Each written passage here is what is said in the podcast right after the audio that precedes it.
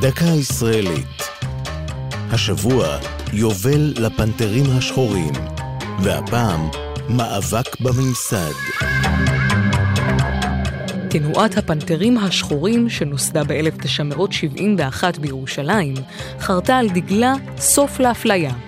מה שהתחיל כקומץ צעירים משכונת מורשה, מוסררה, הפך לתנועת מחאה בועטת שכוונה נגד גזענות כלפי מזרחיים ונגד התעלמות הממסד ממצוקותיהם.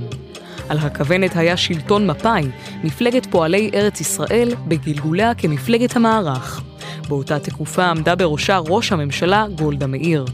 המשטרה ניסתה לחסום ולמנוע את ההפגנות ואת המחאות שארגנה התנועה, בטענה שמדובר בעבריינים בעלי תיקים פליליים. גולדה מאיר סירבה לפגוש את ראשי המפגינים, בטענה שאלה המתפרעים ומשליכים בקבוקי מולוטוב על שוטרים יהודים אינם נחמדים, כלשונה, ואינם מייצגים את אוכלוסיות המצוקה.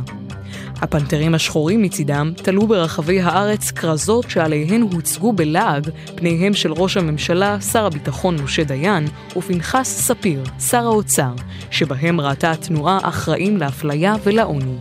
ההפגנות שכחו מקץ שבעה חודשים, אולם התסיסה החברתית נמשכה. מאז נחרט בתודעה הישראלית הביטוי לא נחמדים, שספק אם נאמר כפשוטו, כסמל לאטימות הממסד ולהתנשאותו. זו הייתה דקה ישראלית על הפנתרים השחורים ומאבק בממסד.